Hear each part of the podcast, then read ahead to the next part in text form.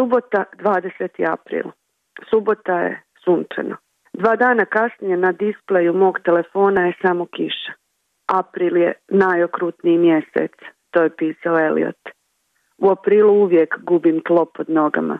U aprilu počinju ratovi. Ljudi opet pričaju o ratu. Ne želim ih čuti. Drveće je oživjelo i svijet je zelen.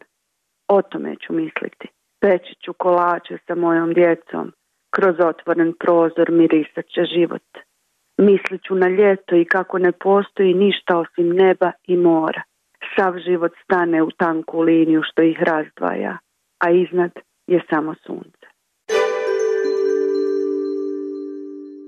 Nedelja 21. april.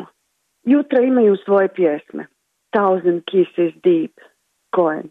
Tako počinje ovaj dan. Možda zato što već osjetim kišu koja dolazi. U kostima prvo. Dan bi trebalo provesti u krevetu.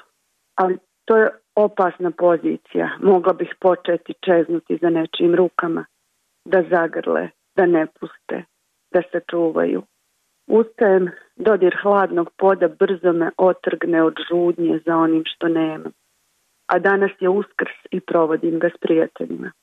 Ni u jednog Boga ne vjerujemo i uvijek slavimo sve praznike.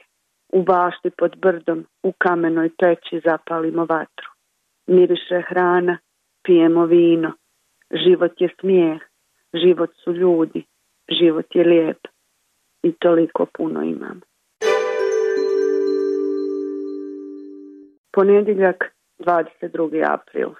Moj posao, ako se tako može nazvati ovo pisanje bez kojeg ne znam, radim od kuće. Kćerka živi u Beču, a sin srednjoškolac naravno nikada nije tu. Tu smo ja i naša mačka, Frida.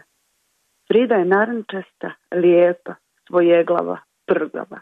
Ne smijemo je ni dodirnuti ako ona to ne želi. Frida nije kućni ljubimac. Ona je sustanar na kojeg smo osuđeni. Možda se i volimo. Kamije u kugi pisao da su zbog nedostatka vremena i razmišljanja ljudi osuđeni da vole jedni druge ne znajući puno o tome. Možda je to čak i utješno.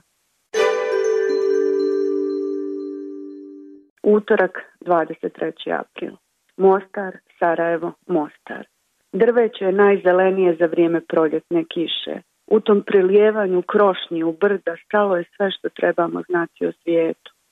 Sarajevo je sivi grad sačinjen od betona i crvenih krovova. Boje su važne, zato mislimo prajdu zakazanom za septembar i mržnji koju imamo za drugačijeg. U Sarajevo sam došla sa sinom.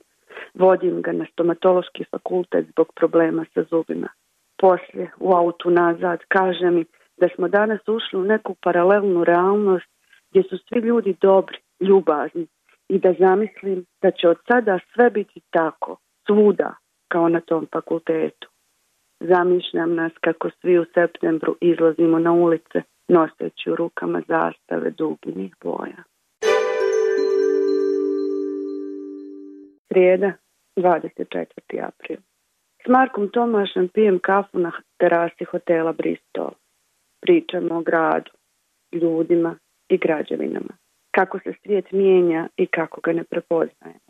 Siromaštvo, depresija, ruševine i prljave ulice. Kami kaže da se tupstvo apsurda nalazi u nemogućnosti čovjeka i svijeta da se zagrle, nemogućnosti glumca da pripadne svom dekoru.